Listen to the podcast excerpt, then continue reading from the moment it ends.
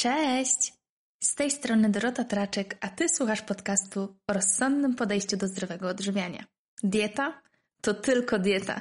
Zapraszam na dzisiejszy odcinek z serii w krzywym zwierciadle poświęconej zaburzeniom odżywiania.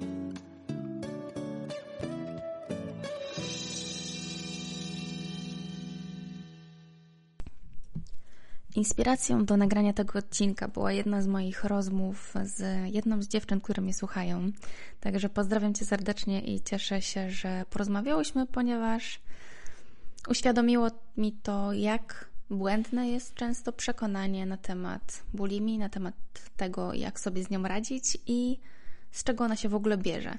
I o ile o tym drugim troszeczkę już mówiłam w poprzednim odcinku, to dzisiaj chciałabym poruszyć to zagadnienie Mm, dotyczący tego, czy bulimia jest nawykiem. Bo tak jak wiemy, no, zaburzenie odżywiania i nawyk to jest bardzo, bardzo powiązana kwestia, bo oczywiście mamy nawyk do tego, aby na przykład ograniczać jedzenie, mamy nawyk do tego, aby nie robić pewnych rzeczy, aby jakoś tam sobie wszystko to bardzo strukturyzować, aczkolwiek Bulimia jako nawyk kojarzy nam się raczej z tym, że nawykowo w pewnych sytuacjach sięgamy po jedzenie. Mm, i na przykład kiedy jesteśmy smutni, to e, zaczynamy jeść bardzo dużą, e, bardzo dużą ilość jedzenia, która e, nawet nie jest jakoś tam pod naszą kontrolą, tylko po prostu puszczają nam jakieś takie granice i jemy bez myślenia, bez smaku, po prostu, żeby wepchnąć to w siebie i, jest to takie pozbawione wszystko logiki. I mówi się, że to jest nawyk. I najpierw wrócę do tej wiadomości, którą e, otrzymałam i która mnie bardzo zainspirowała do dzisiejszego e, odcinka, e, ponieważ okazuje się, że promuje się takie, takie rozwiązanie, że bulimia to jest jakby wyjście z bulimii polega na tym, aby odpowiednio zarządzać e, myślami kompulsywnymi, czyli tymi, że na przykład zjem sobie coś, powiedzmy niedozwolonego i to spowoduje taką myśl, że skoro już to zjadłem, to teraz mogę już wszystko zjeść i po prostu rzucam się na to. E, to jest jedno takie przekonanie. E, drugie jest to, że po prostu trzeba te myśli olać i przestać liczyć kalorie i po prostu zacząć żyć pełnią życia i nie myśleć o jedzeniu. To nam po prostu załatwi bulimię. Po prostu nie rób tego, po prostu tego nie rób. E, no takie na maksa uproszczenie całej, całej sprawy, która tak jak wiemy, no zwykle bulimia jest konsekwencją wcześniejszej anoreksji albo konsekwencją, która gdzieś tam rozpoczęła się na etapie diet redukcyjnych, prawda?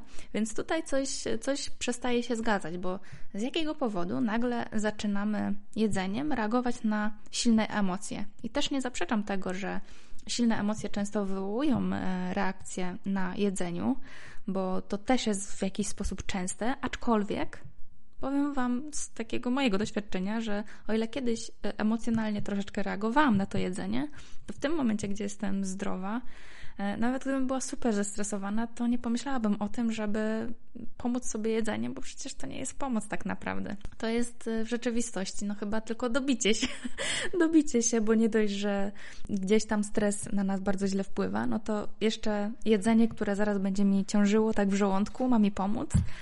Czy to ma przez, po, sprawić, że przestanę myśleć? No może na jakiś czas tak, ale później też jakby problem nie będzie przecież rozwiązany, więc, więc nie jest to najlepsze wyjście i może dla niektórych wydaje się to takim chwilowym rozwiązaniem problemu, e, no ale wiadomo, długoterminowo nie jest to rozwiązanie i wszyscy o tym doskonale wiemy. E, także wracając do tego, do tego, do tego co mówiłam o tych przekonaniach e, odnośnie bulimi, no to wiecie, uważanie, że, uważanie, że bulimia jest tylko nawykiem, że to jest nawyk, że, że my sięgamy po dużą ilość jedzenia, która, zaznaczam, tak duża ilość jedzenia, jaką są w stanie pochłonąć osoby z bulimią, nie jest do przejedzenia w momencie, kiedy jesteśmy zdrowi. Dlaczego? Ponieważ nasze hormony głodu i sytości nas zahamują. Wyobraźcie sobie e, osobę was z waszego środowiska, która nigdy nie miała żadnych zaburzeń odżywiania. I Przypomnijcie sobie, co ta osoba mówi zazwyczaj, kiedy posiłek jest troszeczkę za duży. Co, co robi? Wpycha, wpycha na siłę, tak? Dodatkowe desery i inne rzeczy? No nie. Zwykle te osoby mówią, że Boże, już nie dam rady, już, już zostawiam. I dla osób z zaburzeniami odżywiania to jest zazwyczaj dziwne, bo jak można zostawić w ogóle coś, yy, nie dokończyć tego, jeżeli nie ma się diety i nie ma się żadnych ograniczeń. No ale dla tej osoby tym sygnałem są hormony głodu i sytości, no bo po prostu jest najedzona, organizm mówi stop, nie chce i, i to jest właśnie ta równowaga. Więc dlaczego Nawykiem miałoby być to, że sięgam po ilość jedzenia, której mój organizm nie jest w stanie nawet, no nie chce po prostu e, takiej ilości przyswajać. No to tutaj coś się nie zgadza, prawda? I to przekonanie daje mi do myślenia. E, oczywiście, no ja to doskonale gdzieś tam wiem, no raz, że z pracy z podopiecznymi, dwa, że z własnego doświadczenia, z trzy, z wiedzy takiej, no bym powiedziała nawet akademickiej, że w momencie, kiedy następuje napad bulimiczny w bulimii, no to nie może być to kwestia tylko nawyku, bo inaczej nie myślelibyśmy ciągle o jedzeniu. I ta dziewczyna, która właśnie do mnie pisała, ona powiedziała: Mówiono mi, że to jest tylko nawyk, ale co ja mam zrobić, jeżeli ja cały czas myślę o jedzeniu? I tutaj wrócimy do może pierwszego odcinka, w którym mówiłam o, o takim głodzie psychologicznym, który wynika po prostu z niedożywienia, ze złej diety. I myślę, że bagatelizowanie tego jest chyba najgorszą rzeczą, jaką można zrobić, bo raz, że wmawia się tej osobie, że to wszystko jest w głowie, co jest nieprawdą, absolutnie. Dwa, pozbawia się jej możliwości wyjścia, jeżeli ta osoba w tym momencie nie radzi sobie z tym sytuacją. Bo zobaczcie, że jeżeli do tej pory ja stosowałam milion technik, które miały zapobiec temu, że ja się rzucę wieczorem na jedzenie i one nie działają, no to ja czuję się bezsilna, prawda? Bo już stosowałam wszystkie metody, które opis, opisane gdzieś tam znalazłam w internecie. Już czytałam mnóstwo książek psychologicznych na temat tego, jak zachować umiar w jedzeniu i nadal nie potrafię sobie z tym poradzić, więc coś tutaj nie gra. Dlaczego u zdrowej osoby to nie jest problematyczne, a u osoby chorej jest to po prostu ponad, ponad wyobrażenie, żeby zapanować nad jedzeniem? No właśnie, bo to nie jest kwestia tylko głowy. I myślę, że zdjęcie z siebie tego ciężaru, że to wszystko jest w naszej głowie, pomaga nam znaleźć faktyczne rozwiązanie tego problemu. Moje doświadczenie zawodowe w prowadzeniu dziewczyn, które mają napadowe, e, mają epizody napadowego obiadania, czy miały raczej, i dziewczyn z bulimią, wskazuje na prostą rzecz. Pierwsza rzecz to jest to samo co w anoreksji. Pierwsza rzecz odżywić organizm. Bo zobaczcie, co łączy dziewczyny, które zmagają się z bulimią. Po pierwsze, to, że jest napad, ale później co jest? Później jest kompensacja tego napadu. Kompensacja nie tylko ćwiczeniami, nie tylko wymiotami, ale też kolejnymi dniami diety.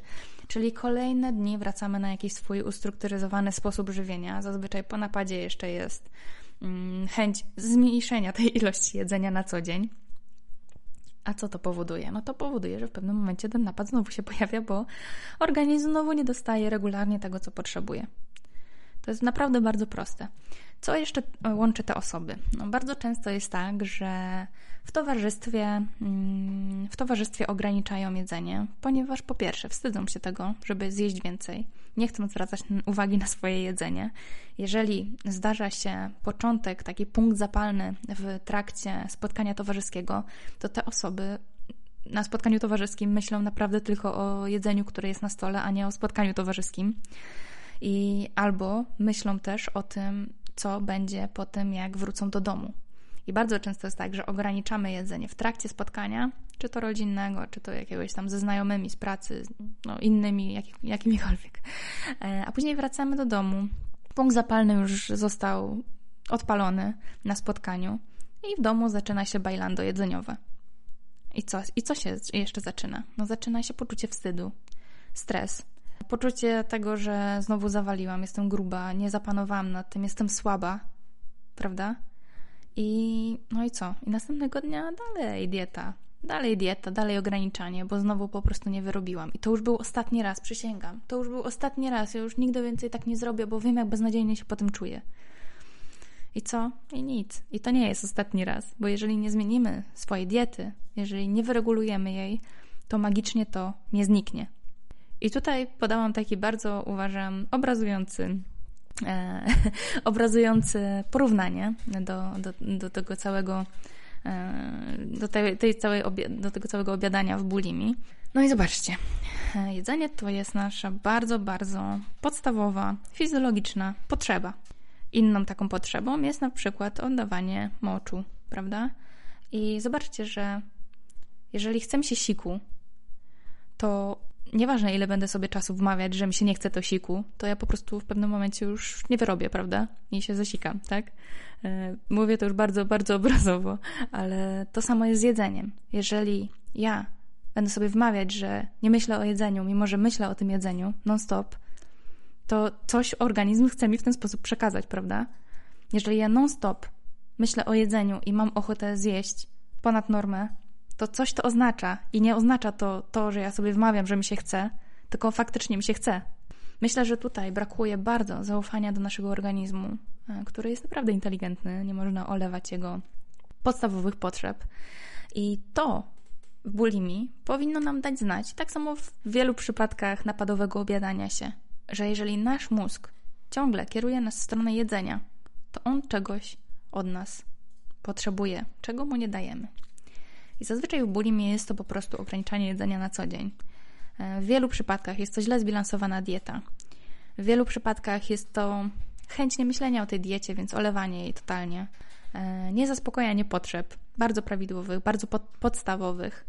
Mm, no i właśnie to, że ciągle, ciągle staramy się ograniczać siebie na co dzień, więc co jakiś czas po prostu puszczają nam bariery bo ile w anoreksji zachowana jest taka determinacja, że organizm jest w takim stanie, że, e, że po prostu nie przychodzą te, te, te momenty obiadania się, e, no to w bulimii jest po prostu tak, że one przychodzą. I z racji tego, że dalej chcemy tą masę ciała naszą ściśle kontrolować, e, no to zdarzają się później, no to później po prostu to kompensujemy. Innymi przyczynami, dlaczego też niektóre osoby z bulimią kompensują napad, epizod. E, bo też pamiętajmy, że epizody często są planowanymi wydarzeniami, że planujemy, że po prostu wieczor, dzisiaj wieczorem sobie zrobię wielką ucztę, a później mm, się tego pozbędę. No to jest to, że często taki sposób na rozładowanie stresu no, no, są niestety bardzo szkodliwe dla nas.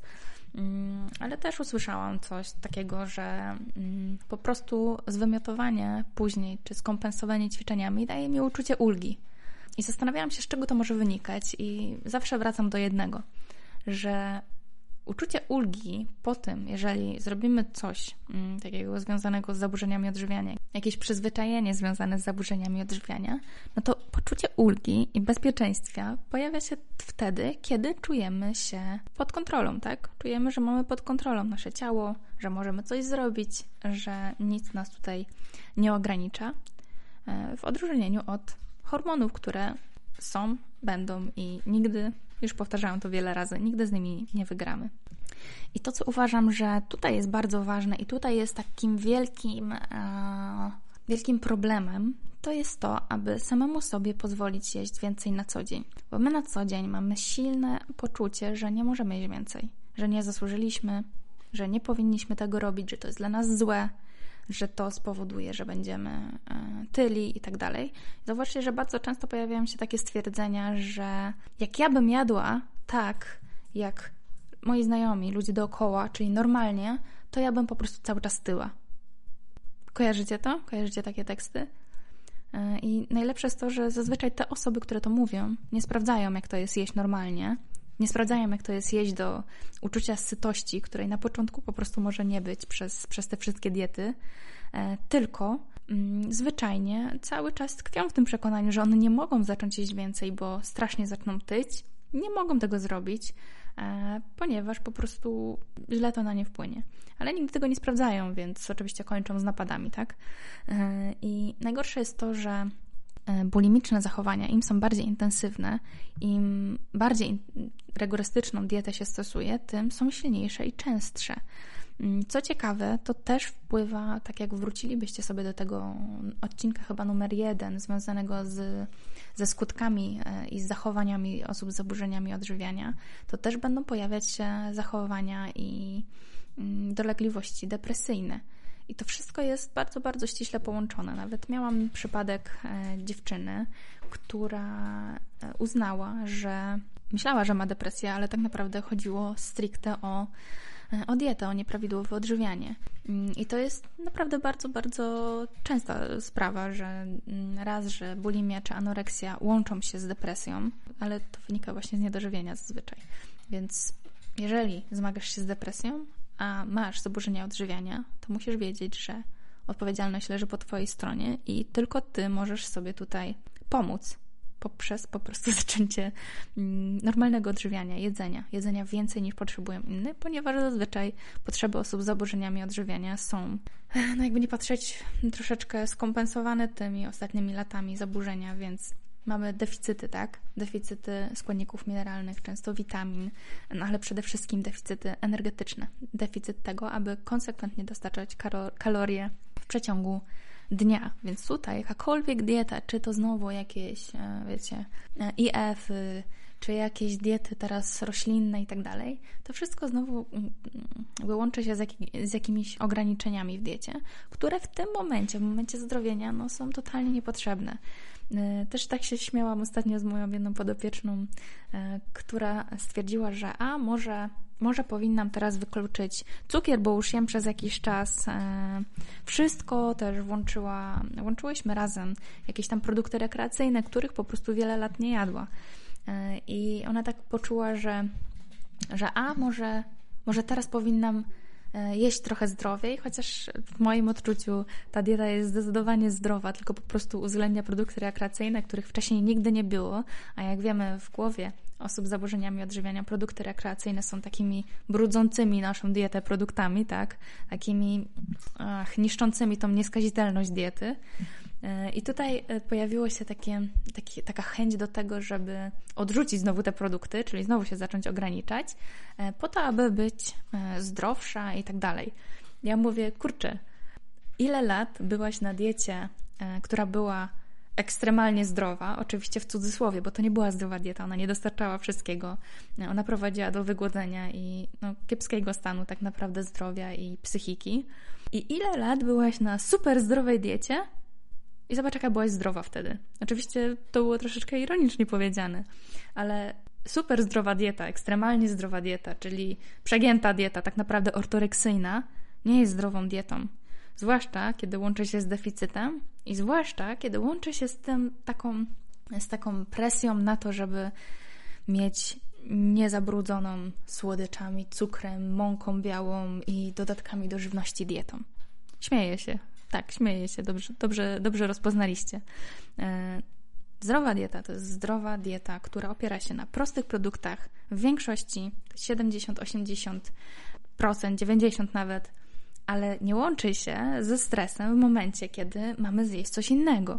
Nie łączy się ze stresem, kiedy ktoś nas częstuje czekoladą. Nie powoduje tego, że nie, ja nie mogę tego zjeść, nie mogę zjeść kawałka czy dwóch kawałków czekolady, bo albo się rzucę na całą czekoladę zaraz w chacie, albo będę czuła, że moje ostatnie trzy miesiące, czy cztery, czy rok, czy dwa, czy piętnaście lat bez cukru zostało teraz przekreślone że ja zgrzeszyłam i po prostu teraz już nie ma odwrotu. Teraz już czuję się beznadziejna ze sobą, ponieważ zrobiłam coś, co kontrolowałam przez tak długi czas. Więc wiecie, no to jest, to jest silne przywiązanie i czy naprawdę ilość cukru w tej kostce dwóch, czy nawet całej czekoladzie jest w stanie e, zrobić coś naszemu zdrowiu gorszego niż stres związany z tym ograniczaniem i przechodzeniem przez te granice zaburzeń odżywiania? No nie, no nie sądzę. Nie sądzę i wiem doskonale to, ponieważ ja sama teraz prywatnie no, też jem słodycze. Mm, to nie są jakieś wielkie ilości słodyczy, bo ja po prostu nie potrzebuję tych słodyczy, nie wiadomo ile. E, jestem w stanie zjeść kostkę, dwie czekolady. E, jak mam większe zapotrzebowanie, to nawet więcej. Ale no, nie przeżywam tego. Czuję się teraz najzdrowiej w życiu, a jem wszystko absolutnie. Powiedziałam sobie, że nie ma żadnych ograniczeń, no chyba, że czegoś naprawdę nie lubię a, przyznaję, że z takich rzeczy, no nie, nie lubię bardzo tłustych rzeczy smażonych. Jest kilka produktów, ale to są zdro, zarówno zdrowe, jak i mniej zdrowe produkty, które po prostu nigdy nie będą stanowiły bazy mojej diety, no bo zwyczajnie mój organizm też mi podpowiada, co jest dla mnie dobre. A jako osoba, która większość, większość czasu w swoim życiu była na diecie, e, no też po prostu doskonale wiem, co mi służy w tym momencie i, i mam na wszystko energię, dobrze się czuję, nie mam żadnych spadków energii. Moja masa ciała jest bardzo prawidłowa. Mam siłę, mam siłę do ćwiczeń, mam siłę do wszystkiego, jestem zadowolona. Mogę iść wszystko, nie muszę o tym myśleć. I to, co właśnie też jeszcze ciekawego Wam powiem, i może to nie jest stricte związane z dzisiejszym tematem, ale to jest niesamowita obserwacja, której, którą ostatnio poczyniłam.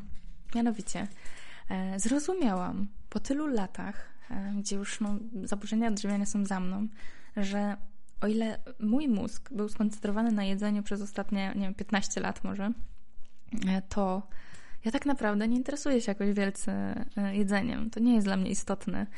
Ja też jako dietetyk akurat, no to, to niezależnie kiedy to było, ja mm, bazuję w dietach na bardzo prostych przepisach. Zawsze myślę od takiej strony, co ta osoba będzie w stanie zjeść, przygotować sobie, aniżeli e, myśleć o tym, że jakie tam przepyszne kombinacje, rolatki z cukinii, z serkiem łososiowo, wiecie, szparagowym e, zapewnić e, tylko raczej jak wkomponować to w styl życia tej osoby. I też zrozumiałam, że po prostu zainteresowanie dietą moją teraz, kiedy jestem zdrowa, jest tak małe, że, że cieszę się, że, że po prostu nie egzystuję sama, bo, bo mogła być ta moja dieta bardzo, bardzo monotonna przez to, że po prostu jakoś tam nie jest to moje wielkie moja wielka pasja, moje wielkie zainteresowanie, aby przygotowywać nie wiadomo jak różnorodno, e, różnorodną dietę, aczkolwiek no z nawyku po prostu. Nawykowo to akurat sobie wypracowałam, że, że wiem, co musi w tej diecie się znaleźć, nawykowo to spożywam i dzięki temu czuję się fantastycznie.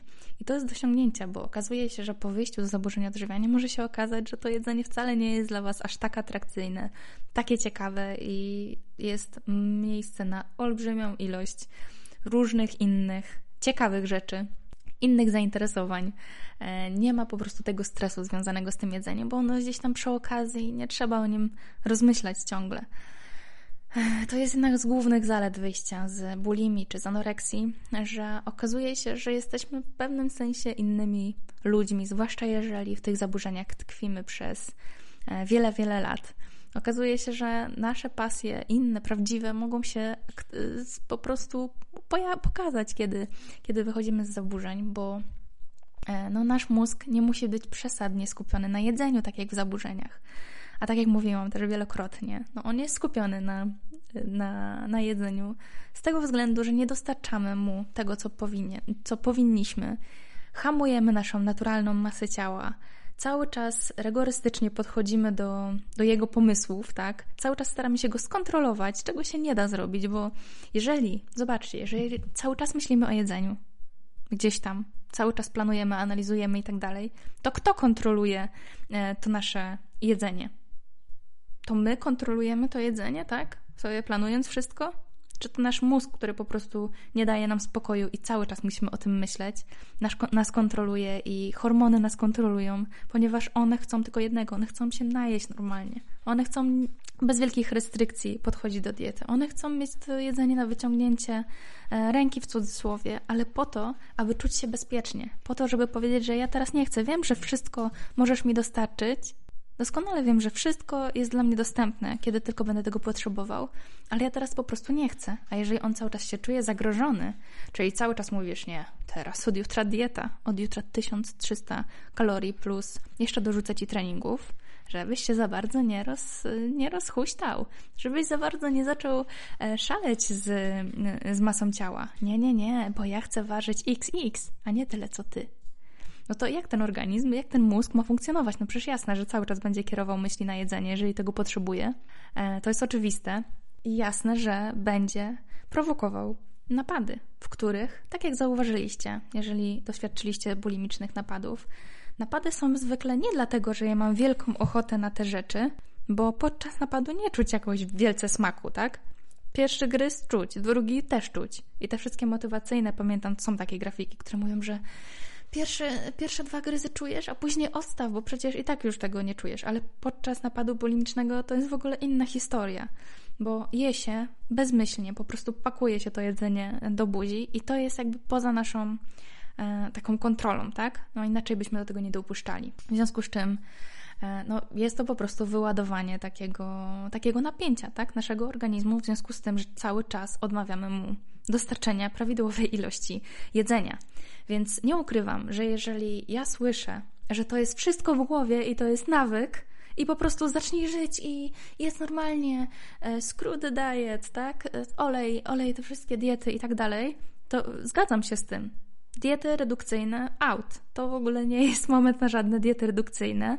Nawet jeżeli zmagasz się z troszeczkę wyższą masą ciała, e, do tego będziesz mógł wrócić, ale najpierw zadbaj o potrzeby swojego organizmu. Czyli najpierw wyrzuć z głowy to, że musisz się odchudzać na jakiś czas, ponieważ jeżeli masz napady, to hormony są totalnie rozregulowane. I to nie jest to, że to jest w Twojej głowie. W Twojej głowie jest to, że myślisz, że to jest w Twojej głowie i to jest Twoja słabość, ale w rzeczywistości to jest potrzeba organizmu i regularnego dostarczania pożywienia. E, więc e, zazwyczaj to, jak pracuję z podopiecznymi, którzy mają bulimię, e, zwłaszcza z tymi, którzy zmagają się z nadwagą, no to jest najpierw po pierwsze uregulowanie diety, żeby pokazać mu, że to, co myślał przez ostatni czas, to, co gdzieś tam się naczytał, czy na jakichś mentoringach usłyszał i tak dalej, że to jest wszystko w Twojej głowie i po prostu przestań, po prostu żyj i nie myśl o jedzeniu, no to nie jest proste i jeżeli problem jest w niedożywieniu, no to sorry, ale to nie zadziała, nie wiadomo jakbyśmy chcieli. Tutaj przykład z, z, oddawaniem moczu. E, I po pierwsze, najpierw to regulujemy. Te napady ustają bardzo szybko, zazwyczaj, i dopiero później zajmujemy się redukcją, która jest e, już rozsądna. To już nie jest redukcja na tych samych zasadach, które były wcześniej zazwyczaj. Ona jest przeplatana e, odżywieniem organizmu, ona jest przeplatana przerwami, po to, aby ten organizm nie wrócił do takiego, e, takiego stanu zagrożenia, że znowu po prostu to, to jedzenie będzie poza moim zasięgiem i nie mogę być spokojny, bo nie wiem, czy ono zaraz zostanie ucięte, czy nie. I uwierzcie mi, że organizm, który jest w bezpiecznym miejscu dla siebie, który wie, że to jedzenie jest zawsze dla niego dostępne, kiedy jest głodny, bardzo się odwdzięcza. Bardzo się odwdzięcza. Zazwyczaj, zobaczcie, że osoby, które nigdy nie były na dietach, zazwyczaj na pewno każdy z nas ma osoby, które nie były na dietach dookoła siebie, są szczupłe, mają zawsze energię, jeżeli są głodne, to jedzą i tak dalej. To jest po prostu naturalna taka regulacja przez organizm. I to jest do osiągnięcia przez każdego z nas, ale zobaczcie, że jeżeli cały czas gdzieś tam organizm jest ograniczany, on cały czas czuje się, tak jak już wspomniałam dzisiaj wielokrotnie, niebezpiecznie po prostu. On nie, nie, nie jest w bezpiecznym miejscu dla nas. Także to jest moje przesłanie. Bulimia Jedynym nawykiem w bulimii, który jest faktycznie nawykowy, bardzo, bardzo silny sposób, jest to, że ciągle staramy się ograniczać jedzenie. To jest nasz nawyk, że ciągle przechodzimy na dietę, że ciągle podświadomie ucinamy jedzenie. To jest nawyk. I to jest to, co ty możesz zrobić, żeby po prostu sobie pomóc. Nawykiem nie jest to, że nawykowo sięgasz po dużą ilość jedzenia. Może w pewnym stopniu, ale naprawdę malutkim w porównaniu do tego pierwszego hormonów nie zaczniesz kontrolować, pamiętaj. To jest moje przesłanie na dzisiaj. Mam nadzieję, że pomogłam. Piszcie do mnie i miłego dnia, miłego tygodnia i trzymajcie się w tej kwarantannie. Już mam nadzieję, że niedługo wszystkie te zakazy zostaną e, zdjęte i będzie można normalnie żyć. Ale póki co bądźmy wdzięczni za to, co mamy. Wszystkiego dobrego. Pa!